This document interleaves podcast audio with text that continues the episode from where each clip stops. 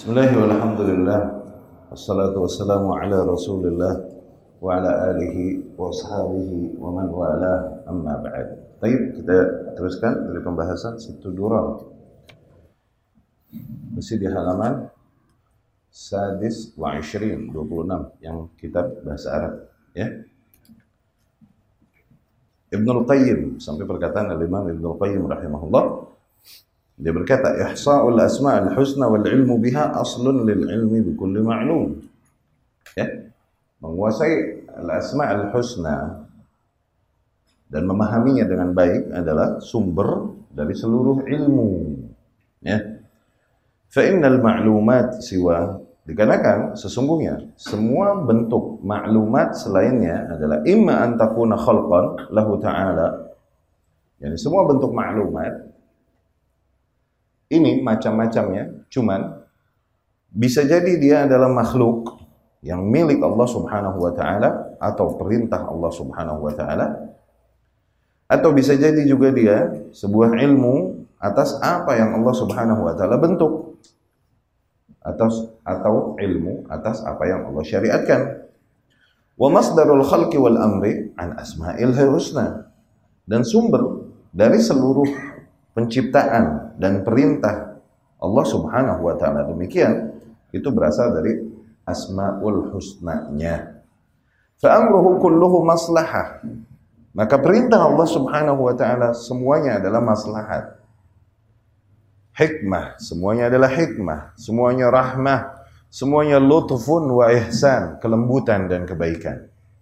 Idz masdaruhu asmaul asmauhul husna, dikarenakan Sumbernya adalah berangkat dari asmaul husnanya. Nama-nama Allah yang mu, mulia. Wa fi'luhu kulluhu la yakhruju minal adli wal hikmati wal maslahati wal rahmah. Demikianlah semua hal yang dilakukan oleh Allah Subhanahu wa taala tidaklah keluar dari sifat keadilan, sifat hikmah, sifat maslahah dan sifat rahmah.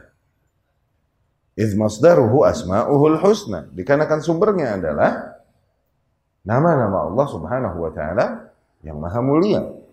Ya, yakni semua hal yang Allah Subhanahu wa taala putuskan, semua Allah subhanahu semua hal yang Allah Subhanahu wa taala lakukan, oke? Okay?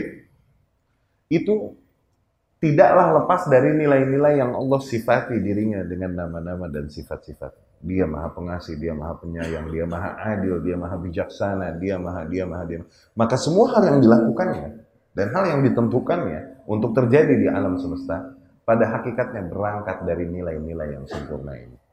Oke? Kalaupun terasa mungkin buruk bagi sebagian makh, makhluk, oke? Tapi apabila kita melihat dengan pandangan yang lebih luas, maka hal tersebut adalah kebaikan. Ya, dan maslahat secara oh, secara umum kalaupun mungkin merugikan sebagian makh, makhluknya, ya. Tidaklah keburukan dinisbahkan kepada Allah Subhanahu wa taala. fala tafawat fala fala tafawut fala tafawuta fala tafawuta fi khalqihi wala abath. Maka sungguh tidak ada kesia-siaan di dalam penciptaannya. Walam yakhluq khalqahu batilan wala sudan. Tidaklah Allah menciptakan makhluknya dengan batil dan dengan kesia-siaan.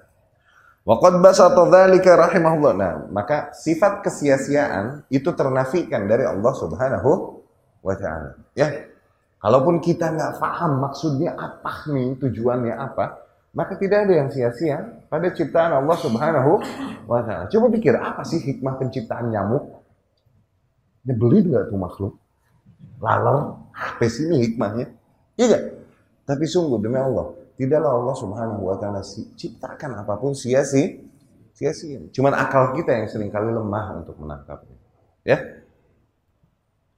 Waqad basata dzalika rahimahullah fi ghair hadzal mawdi'. Al-Imam Ibnu Qayyim rahimahullah banyak menjelaskan hal ini dengan luas. Ya. Ibnu Qayyim rahimahullah juga berkata, "Syaraful ilmi tabi'un li syarafi ma'lumi."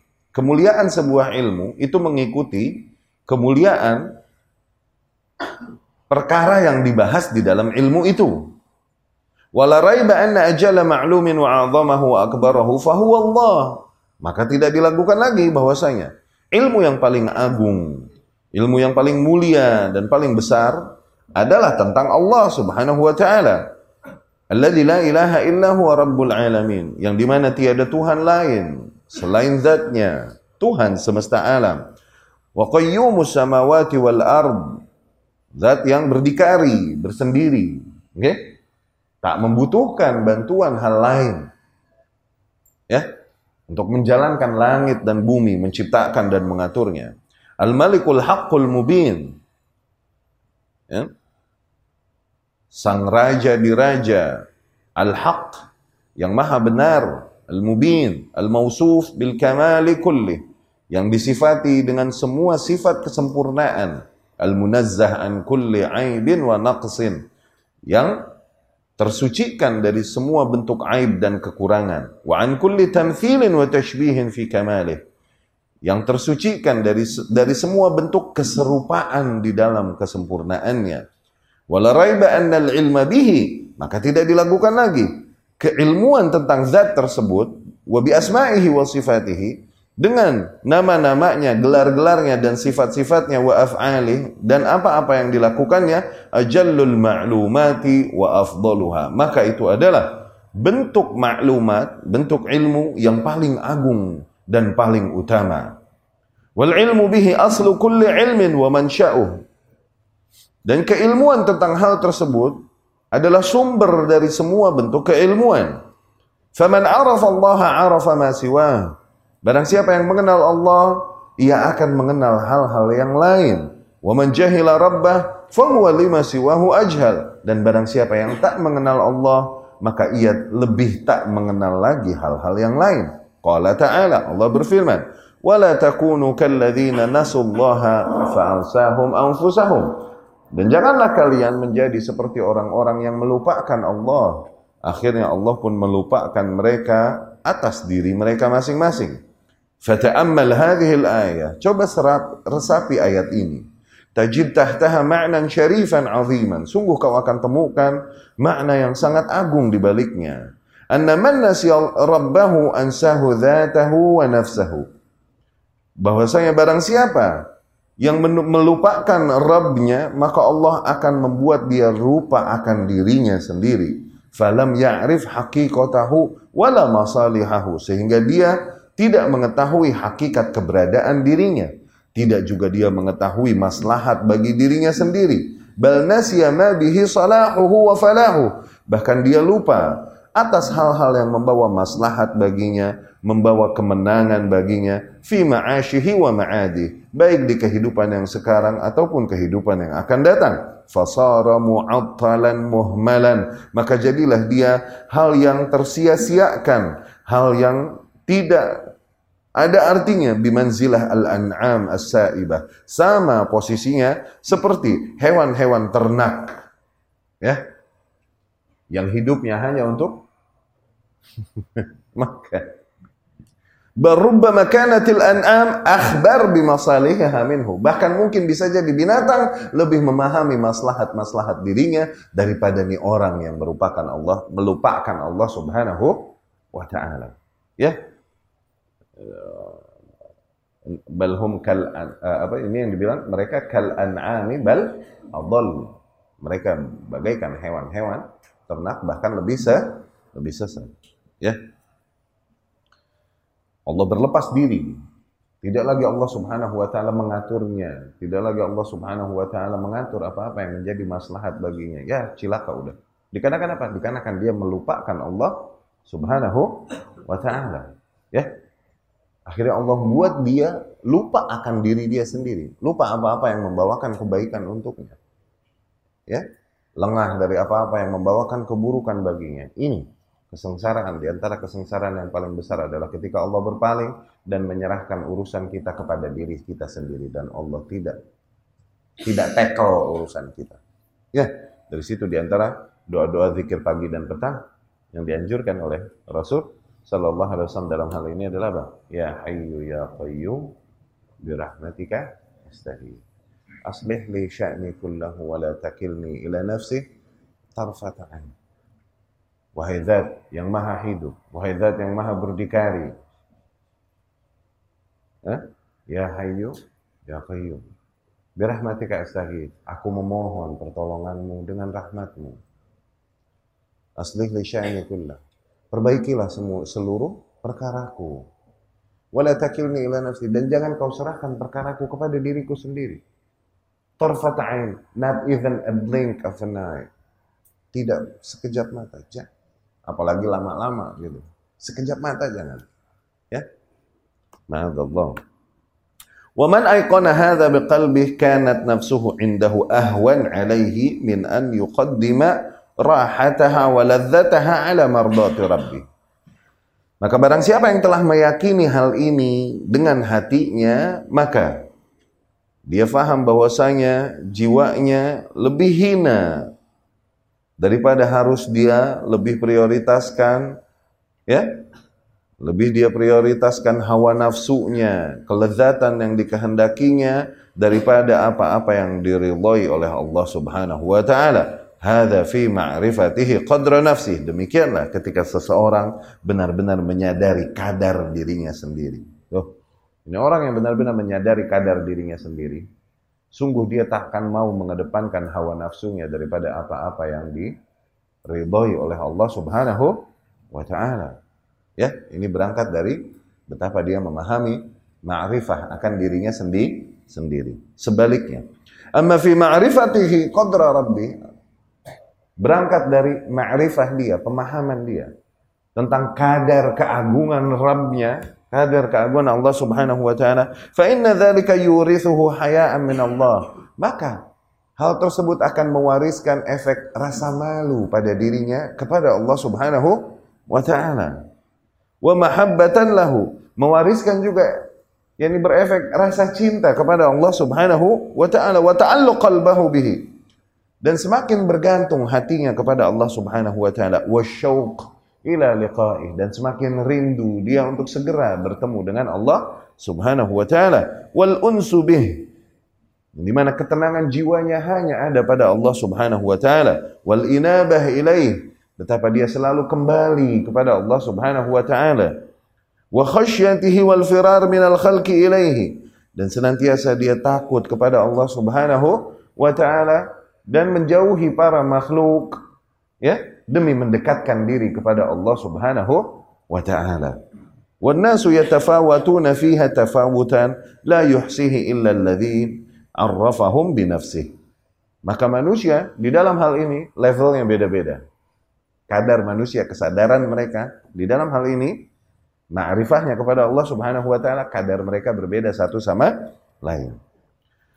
Wa kashafa liqulubihim min ma'rifatihi ma akhfahu an siwahum. Wa qad qala a'raful khalqi bihi nabiyyuna Muhammadun sallallahu alaihi wasallam la uhsi thana'an 'alaika anta kama athnaita 'ala nafsik. Wa akhbara annahu subhanahu yaftahu alaihi yaumal qiyamah min mahamidihi bima la yuhsinuhu al-an. Ya. Dan di mana Allah Subhanahu wa taala juga lah yang memberikan dalam hati para manusia bentuk keilmuan untuk memahami, mengenal zat Allah Subhanahu wa taala, memahami kadar keagungannya dan juga ilmu untuk mengenal dirinya sendiri Waqad qala a'raful khalqi bihi Muhammad sallallahu alaihi wasallam. Dan di mana manusia yang paling mengenal Allah Subhanahu wa taala yaitu nabi kita Muhammad sallallahu alaihi wasallam telah berkata, "La uhsi thana'an 'alaika anta kama asnaita 'ala nafsik." Sungguh aku tidak dapat menghitung seluruh pujian-pujian atasmu sebagaimana engkau sanjung dirimu sendiri wahai Allah. Tuh.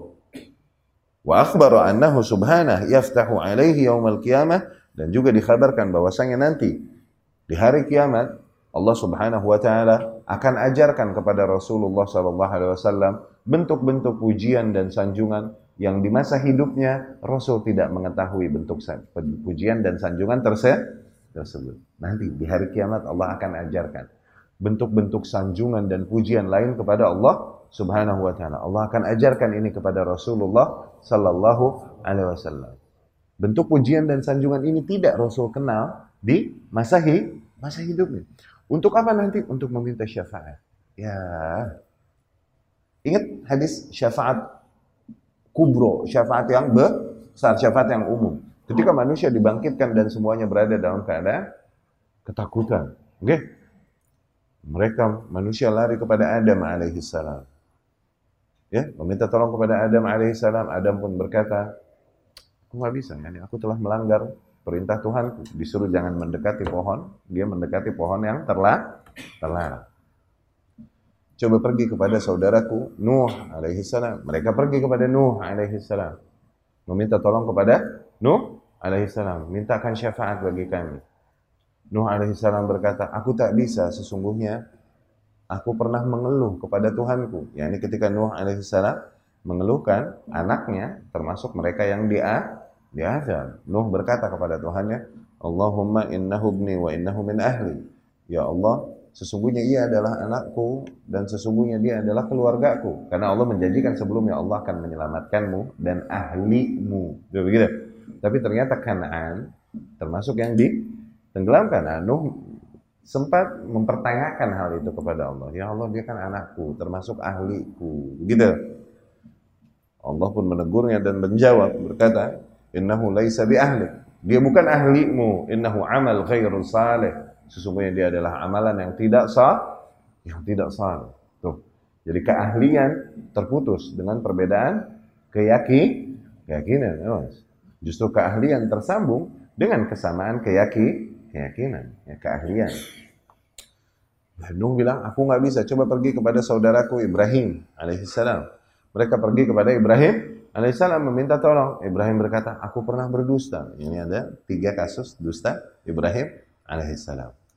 Dengan itu aku nggak bisa memohon kepada Tuhanku. Coba pergi kepada saudaraku Musa alaihissalam. Kepada Musa, Musa berkata, aku pernah membunuh.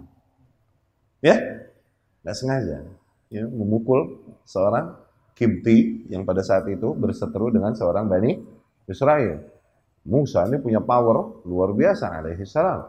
Dihajar nih Kibti dengan sekali hajar mati dia. Qadarullah. Nah, Musa alaihissalam, malaikat maut mampir ke rumahnya dicolok. Di riwayat Imam Bukhari rahimahullah, malaikat maut mampir ke rumah Musa dan berkata, malaikat maut nih, pencabut nyawa.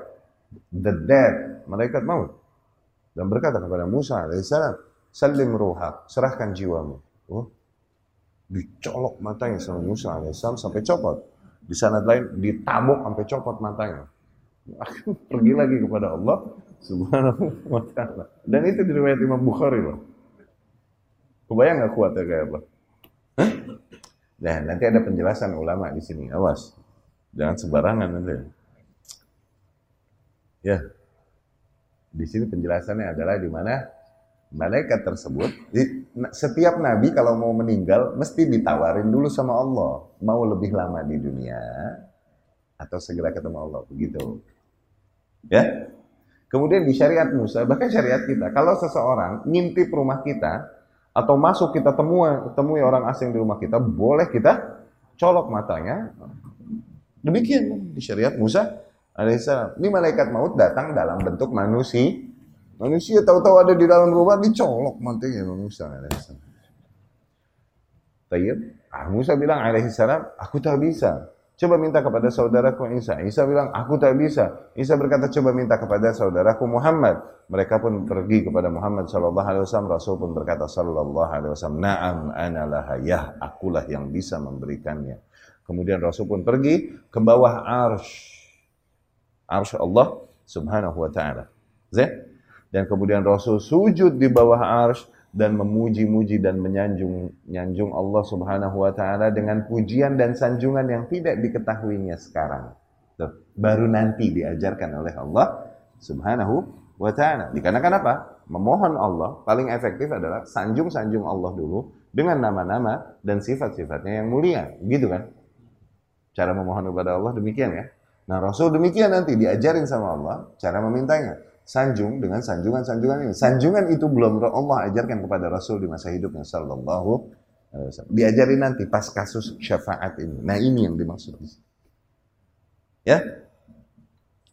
Akhbaru annahu subhanah yaftahu alaihi yaumal qiyamah. Nanti Allah akan bukakan atas Rasulnya di hari kiamat, yakni bukakan ilmu, berikan ilmu tentang puji-pujian dan sanjungan-sanjungan kepada Allah Subhanahu wa taala yang tidak Rasul kuasai sekarang, yakni di masa hidupnya sallallahu alaihi wasallam.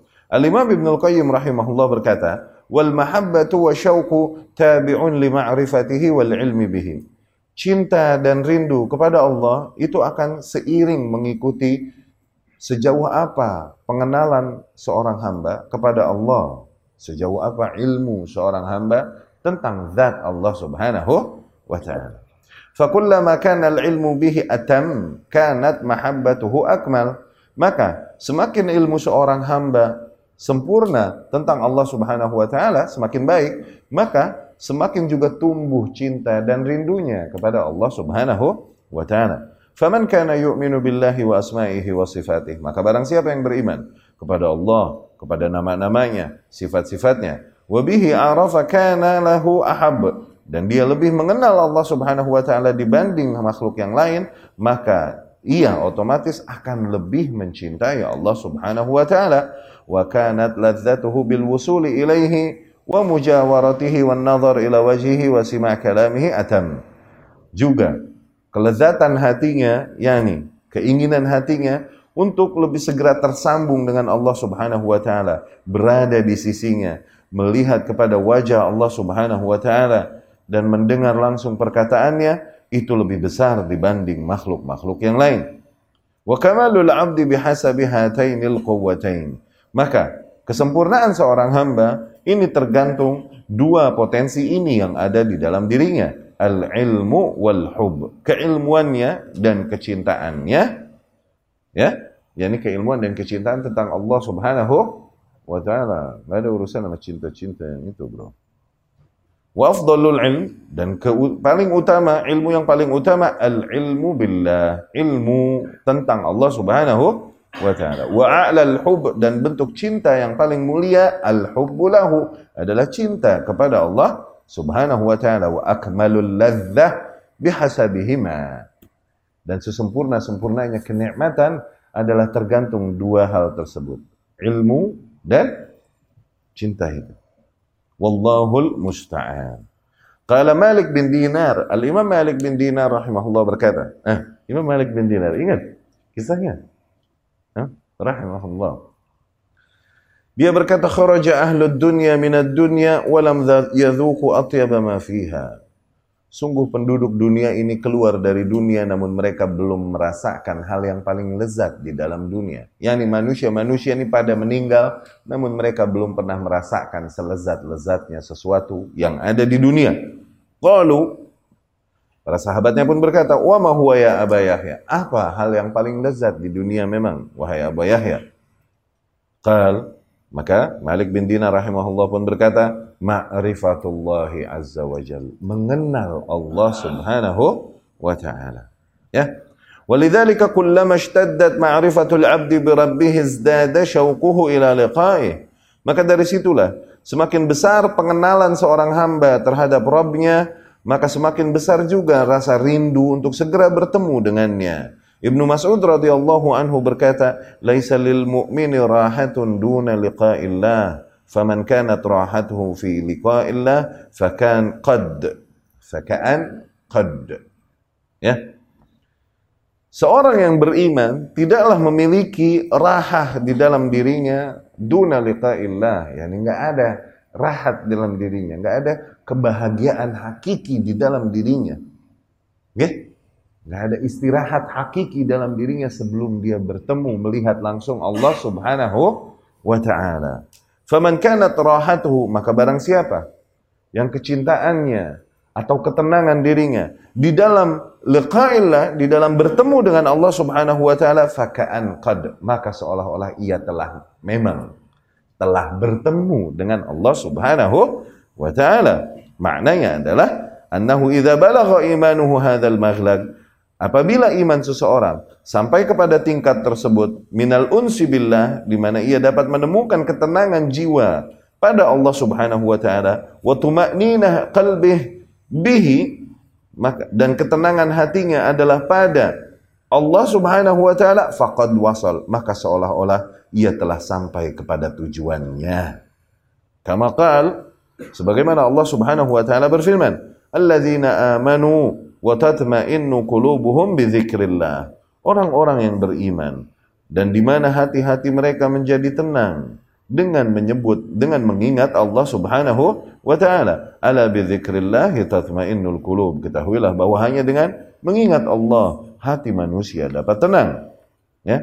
Fa kaifa biman ishtaqa ila luqya rabbih azza wa jal wa lam yastawhish min mufaraqatil ashab.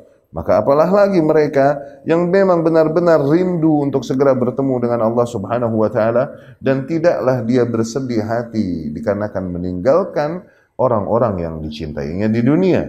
Berangkat dari cintanya kepada Allah Subhanahu wa taala ya. Orang-orang yang semakin cinta kepada Allah Subhanahu wa taala semakin dia di antara manusia ghuraba semakin terasingkan dia di antara manu manusia Dikarenakan kesibukan yang hanya ada pada Allah Subhanahu wa taala terus. Ya.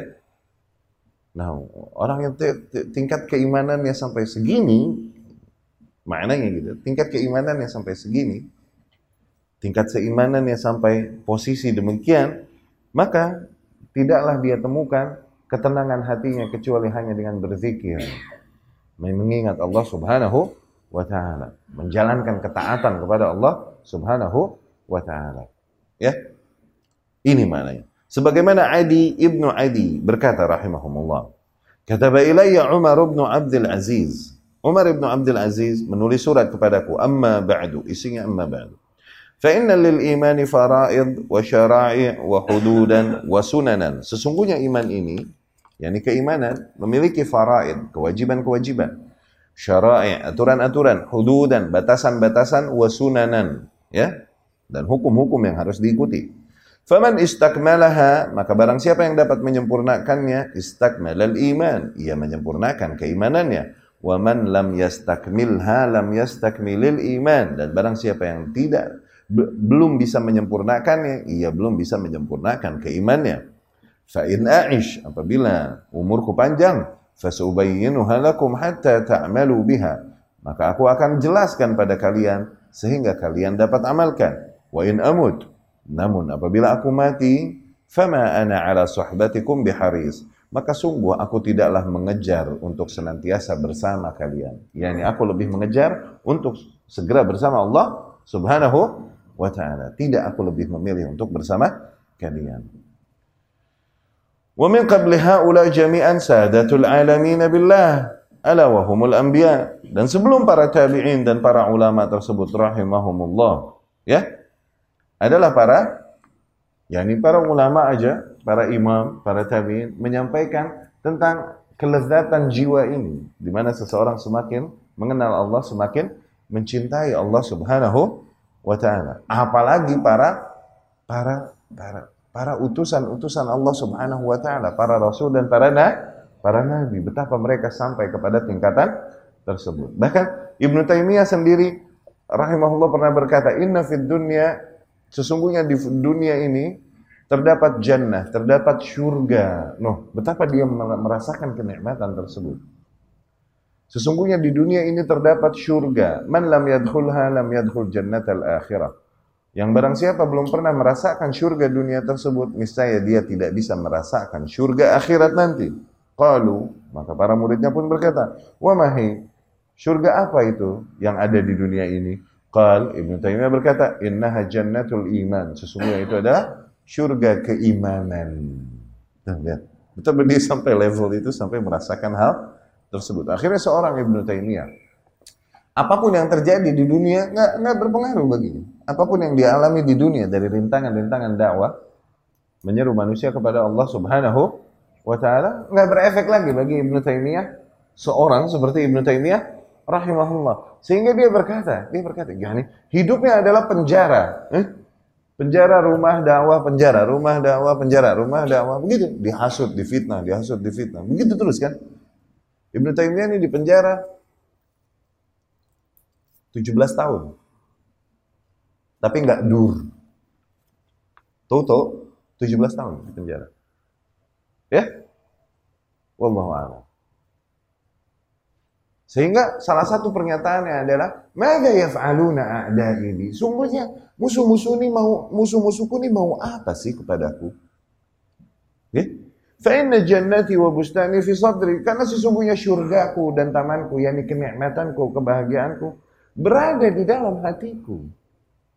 Kitabullah dan sunnah Rasul Halat haitsu halal. Ke mana pun aku pergi, maka syurgaku tersebut akan terus mengikutiku. Eh? In. Kalau mereka memenjarakanku, maka hitung-hitung aku berkhalwat.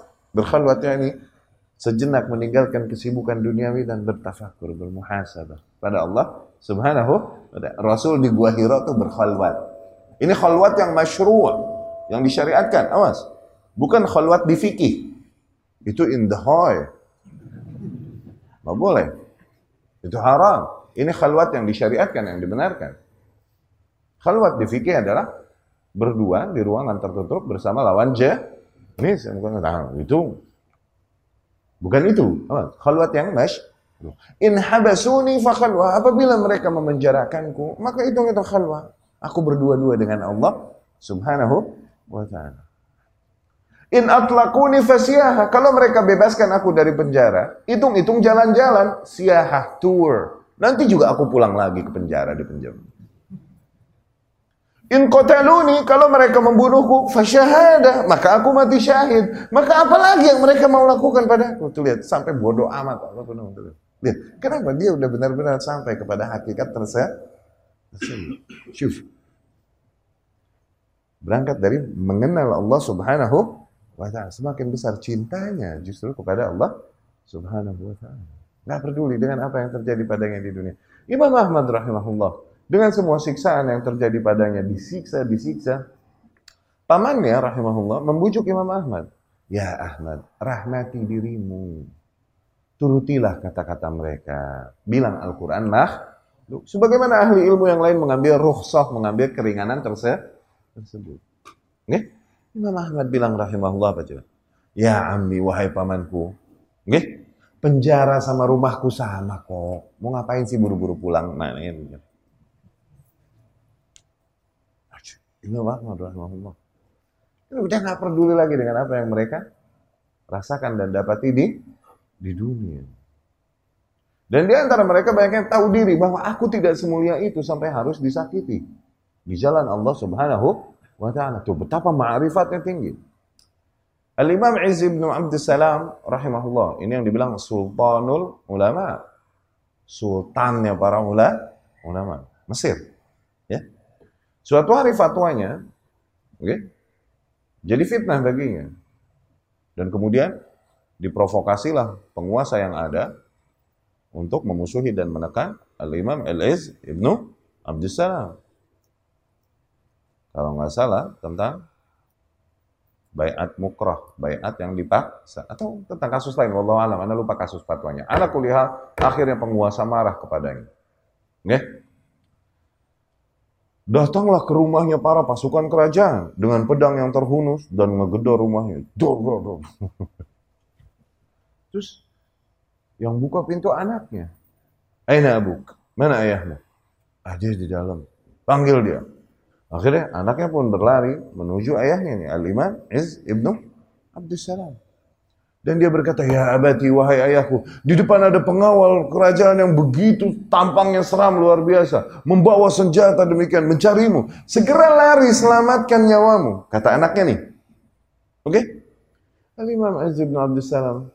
Sampai dia berkata akhirnya, Waiha, inna abaka ahqar min an yuqtal fi sabilillah. Bodoh kau. Sesungguhnya ayahmu ini terlalu hina untuk terbunuh di jalan Allah. Faham gak? Eh? Yang terbunuh, disakiti di jalan Allah, oke? Okay? Itu adalah hal yang sangat mulia. Come aku tak semulia itu, jangan khawatir. Paham? Eh? Jadi jangan khawatir dengan kesyirikan yang kau ingkari, dengan kebidahan yang kau diingkari. Ente gak bakalan dibunuh, enggak. Ente gak sekeren itu. Nah, orang sampai dibunuh gara-gara membela tauhid sunnah itu kemuliaan yang besar bro, come on. Kita ini masih suka mancing, kita nggak semulia itu. Masih suka naik perahu, betul nggak mancing.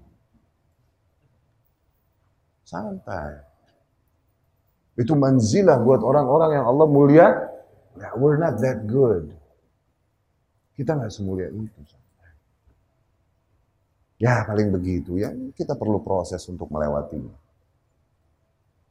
Makrifat mereka sampai demi demikian.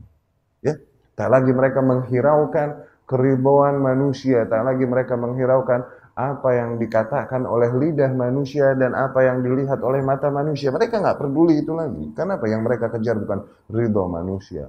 Betapa mereka sadar, kalaupun semua manusia ridho di muka bumi, itu nggak bisa menyelamatkan mereka di akhirat.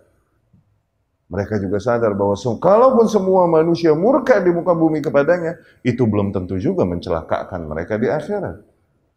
Yang mencelakakannya atau menyelamatkannya di akhirat adalah ridho Tuhannya, ridho Allah subhanahu wa ta'ala. Maka itu yang dia perjuangkan, bukan lagi ridho manusia, bukan lagi banyak yang masa yang mengelilinginya. Orang-orang demikian. Yang nggak peduli dengan hal-hal demikian. Ya, ini taufik dari Allah Subhanahu wa taala berangkat dari betapa dia mengenal zat Allah Subhanahu wa taala, betapa dia mengenal zat dirinya, betapa hina di hadapan Allah Subhanahu wa taala. Berangkat dari ma'rifah qadri nafsi, ma'rifah qadri rabbih. Ma'rifahnya akan betapa kadar kehinaan dirinya, betapa ma'rifatnya tentang betapa kadar agungnya Tuhannya, agungnya Allah Subhanahu wa taala. Dan juga para nabi alaihi wassalatu wassalam. Faqad balaghat inayatu rabbihim bihim an yukhayyirahum bayna ziyadatil hayati wal maut. Lihat betapa Allah Subhanahu wa taala mau menunjukkan gitu kepada para manusia betapa mereka benar-benar mencintai Allah Subhanahu wa taala sampai titik diberikan pilihan kepada para nabi alaihi wassalam sebelum meninggal, mereka semua diberikan pilihan. Mana yang kau mau? masih mau hidup atau mau segera bertemu dengan Allah Subhanahu wa taala. Dan semua nabi pasti memilih untuk segera bertemu Allah Subhanahu wa taala. Kenapa? Kerinduan yang besar kepada Allah Subhanahu wa taala untuk segera bertemu berada di sisi Allah Subhanahu wa taala. Ya? Nah fakanu yakhtaruna liqa'a rabbihim. Mereka selalu memilih untuk segera bertemu dengan Rabb mereka. Sebagaimana yang dibuat bab oleh Imam Bukhari di dalam sahihnya, bab man ahabba liqa Allah, ahabba Allahu liqa'ah. Bab barang siapa yang ingin segera atau cinta atau ingin segera untuk bertemu dengan Allah, maka Allah pun mencintai. Yani Allah pun cinta untuk segera bertemu dengannya. Mana yang demikian?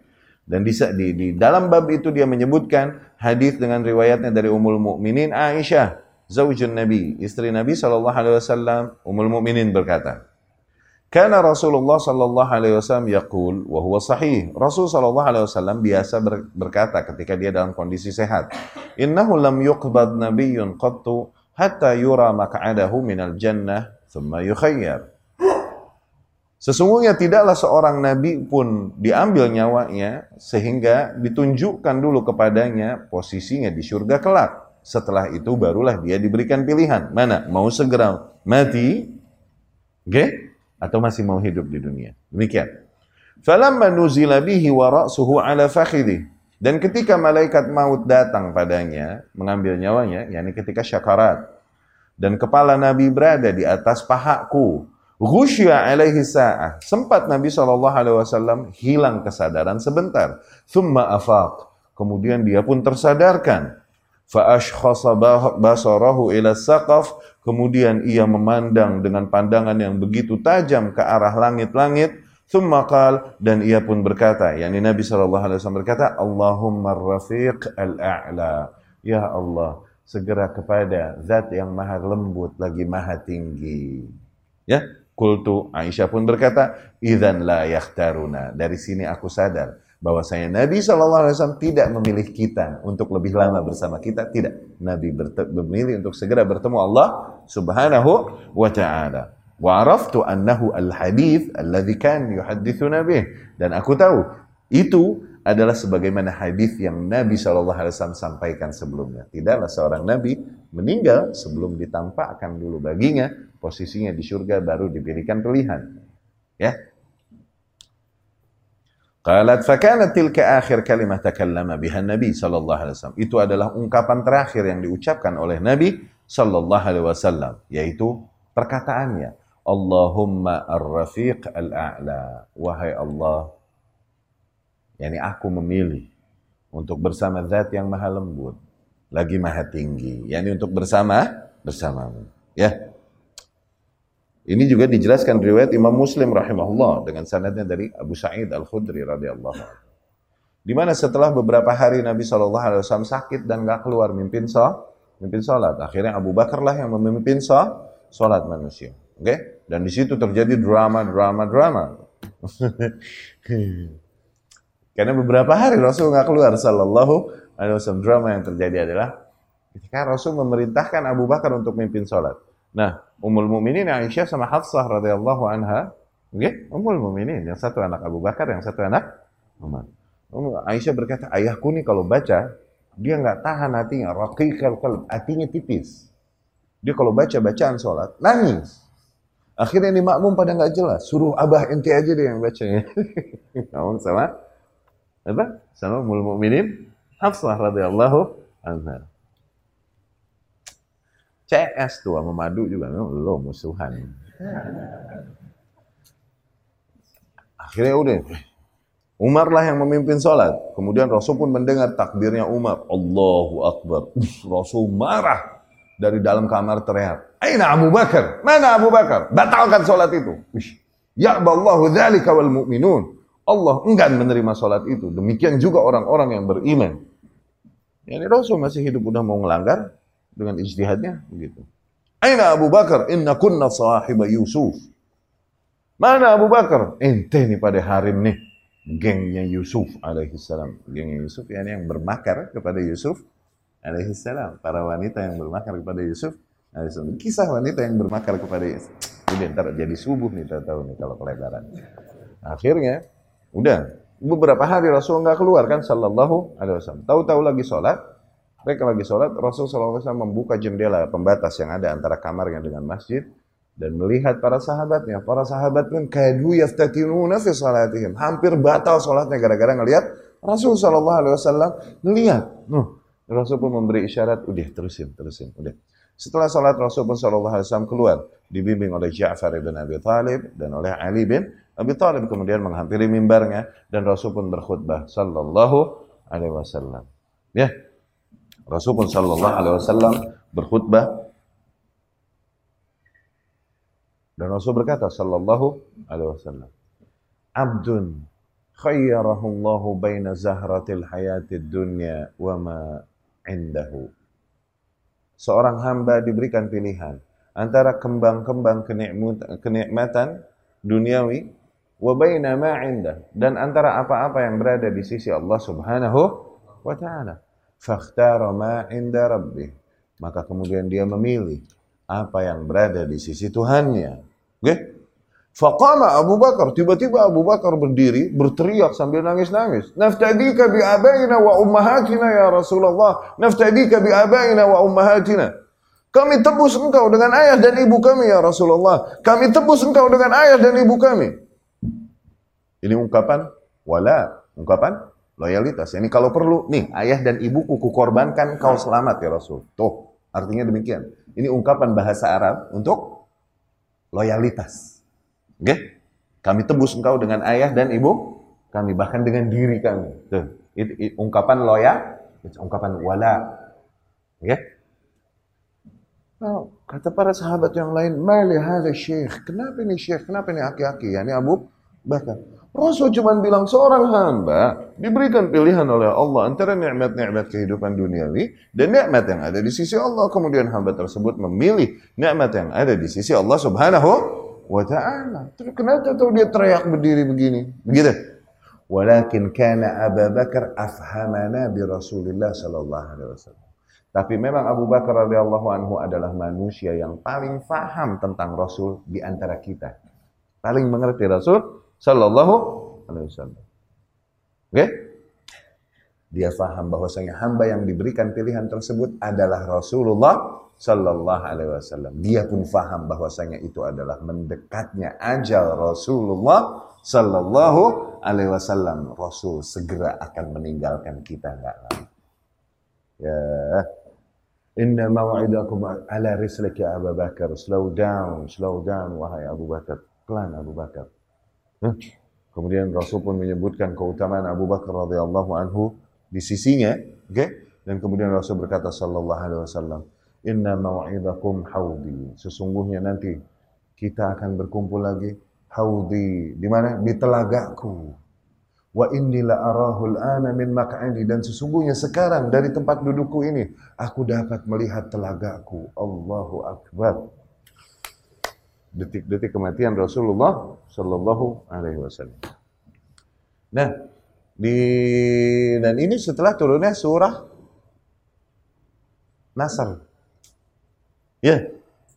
Di riwayat Imam Bukhari juga dari Umar bin Al-Khattab radhiyallahu anhu uh, dari, lah, dari Ibnu Abbas radhiyallahu anhu. Ibnu Abbas bercerita, Umar suatu hari mengajakku duduk-duduk di majelis para ahlu badar. Ahlu badar ini sahabat-sahabat senior yang umur, yang nggak jauh sama Rasul. Ibnu Abbas ini bocah, junior, sahabat ju, junior. Oke? Okay? Tapi Umar ini suka sama para ahli ilmu. Ibnu Abbas terkenal dengan fikihnya dan pemahamannya terhadap kitabul kita karena doa Rasul bagi dia sallallahu alaihi wasallam. Ya kan? Allahumma 'allimhu fid alimhu fid wa apa faqihu faqihu fid wa 'allimhu ta'wil. Ya Allah ajarkanlah dia agama dan ajarkanlah dia ta'wil, yakni taf, tafsir. Ibnu Abbas bercerita Umar mengajakku ke majelisnya para ahli Badr. Ini nongkrong sama senior-senior berarti kan? Seolah-olah aku melihat di mata mereka ngapain sini Umar ngajak bocah. Gitu. Walana abna mithlu. Kita juga punya anak seumuran dia, kita gak ajak ke sini. Gitu.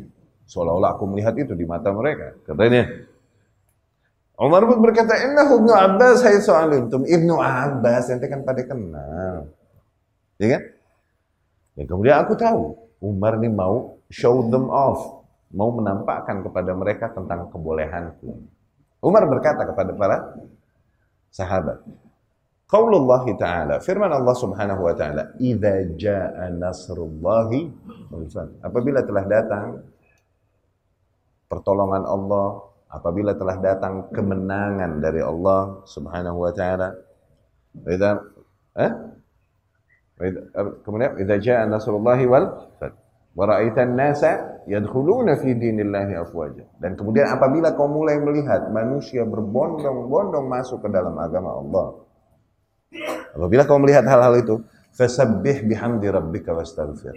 Maka banyak-banyaklah sabih, bertasbih dengan bihamd, dengan segala rub, puji bagi Tuhanmu wastaghfir dan banyak-banyaklah beristighfar. Innahu kana tawwaba. Sesungguhnya ia zat yang maha menerima taubat. Firman Allah itu apa menurut kalian? Umar nanya sama para sahabat. Para sahabat akhirnya yang ada bilang radhiyallahu anhu. Oh itu adalah perintah dari Allah subhanahu wa ta'ala kepada Rasulnya.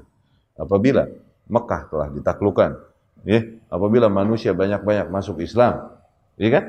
Maka pada saat itu diperintahkan Rasul untuk banyak-banyak bertasbih dan beristighfar. Begitu. Iya Itu namanya fassar al-ma' ba'dal juhdi bil ma' mentafsirkan air dengan setelah semua usaha dengan air. Coba, apa makna air?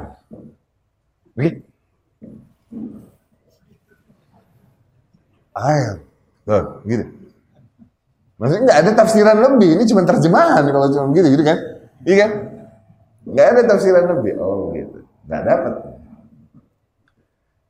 Kemudian Umar pun bertanya kepadaku, kata Ibnu Abbas. Menurutmu, hai Ibnu Abbas, apa tafsirannya? Apa dibalik ayat itu? Ibnu Abbas berkata. Aku punya pendapat yang berbeda dengan para sahabat tersebut. Uh, junior nih, lawan senior. Oh ya, apa menurutmu? Innaha ajalu Rasulillah qad Sesungguhnya itu adalah ajalnya Rasul yang telah mendekat. A'lamahullahu iya. Allah beritahukan kepada Rasul tanda-tandanya. ketika mulai kemenangan dari Allah banyak. Eh? Ketika mulai Al-Fath, Mekah telah ditakluk. Ketika mulai kau melihat manusia berbondong-bondong masuk masuk Islam, wakil dari kabilah ini masuk Islam, bayat sama Rasul setia, wakil dari kabilah ini masuk bayat. Nah, pada saat itu banyak-banyaklah beristi, bertasbih dan beristighfar. Kata Umar bin Al-Khattab, sungguh pendapatku sama denganmu. Ibn Abbas radhiyallahu anhu.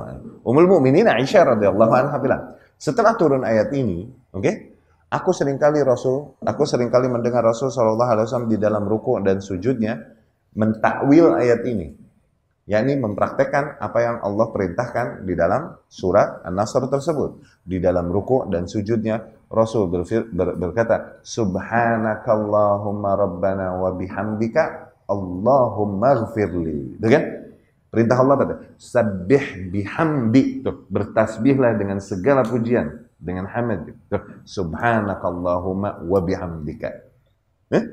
wastaghfir dan minta ampunlah kepada Allah. Allahumma gfirli. Ini bacaan di dalam ruku dan sujud yang diriwayat Imam Bukhari. Bukhari. Ya. Demikianlah Nabi Shallallahu Alaihi Wasallam pun ungkapan yang terakhir yang dia ucapkan selaya matanya tajam melihat ke arah langit. Ia berkata, Allahumma rafiqil a'la. Ya Allah, zat yang maha lembut, lagi maha tinggi. Maknanya adalah, ia lebih memilih untuk segera bersama Allah Subhanahu wa taala dan tidak memilih kita. Yang tidak memilih untuk lebih lama bersama kita. Ya. Demikian berangkat dari kecintaan mereka kepada Allah Subhanahu wa taala yang itu semua tumbuh berangkat dari betapa mereka mengenal Allah Subhanahu wa taala. Baik, kita cukupkan sekian.